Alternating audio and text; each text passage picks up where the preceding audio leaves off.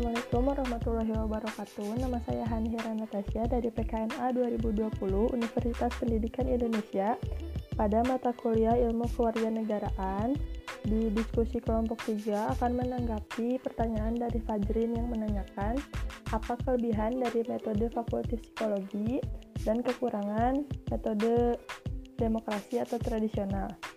Yang pertama, kelebihan dari fakultas psikologi yaitu Metode ini mematangkan potensi fungsi-fungsi dalam pikiran secara terpisah.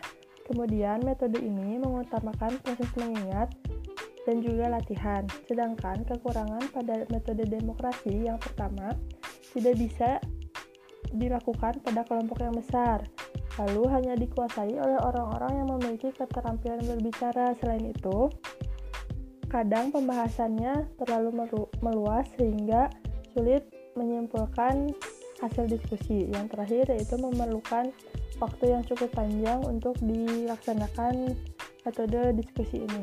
Terima kasih. Assalamualaikum warahmatullahi wabarakatuh.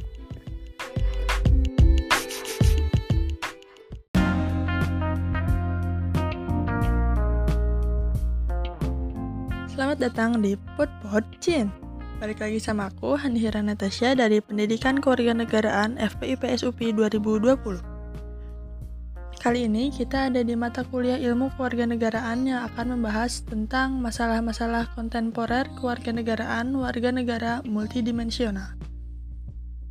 Kontemporer berarti kekinian atau sesuatu yang menggambarkan hal-hal yang terjadi pada masa sekarang, Sedangkan kontemporer kewarganegaraan memiliki makna sebuah masalah baru dalam kewarganegaraan.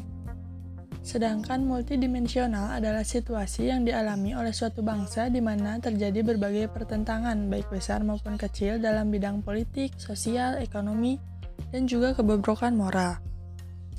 Istilah multidimensional lebih mengarah pada suatu keadaan yang sedang dialami oleh negara di mana banyak masalah yang sedang dihadapi. Ada berbagai macam masalah kontemporer, di antaranya yang pertama ada kemiskinan. Faktor kemiskinan di Indonesia yaitu tingkat pendidikan yang masih rendah, masih terbatasnya lapangan pekerjaan, malas bekerja, beban keluarga, dan keterbatasan sumber daya alam. Solusi yang bisa dilakukan yaitu dengan pemenuhan kebutuhan dasar masyarakat miskin atas pendidikan, kesehatan, dan infrastruktur dasar. Bisa juga dengan membuka banyak lapangan pekerjaan. Sedangkan masalah kontemporer yang kedua yaitu masalah pertumbuhan ekonomi dan industrialisasi yang bisa di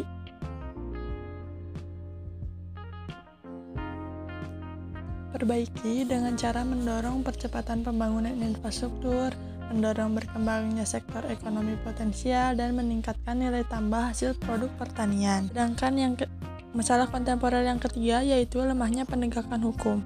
Solusinya yaitu dengan meningkatkan kesadaran individu di Indonesia bahwa penegakan hukum memang benar-benar perlu ditegakkan. Sedangkan masalah yang berikutnya yaitu masalah disintegrasi yang difaktori oleh konflik, peperangan atau pertikaian dan kesenjangan sosial. Solusi yang bisa dilakukan yaitu dengan memperbaiki tradisi solidaritas masyarakat Indonesia, meningkatkan rasa nasionalisme, dan meningkatkan sifat toleransi. Sekian yang bisa saya sampaikan. Terima kasih.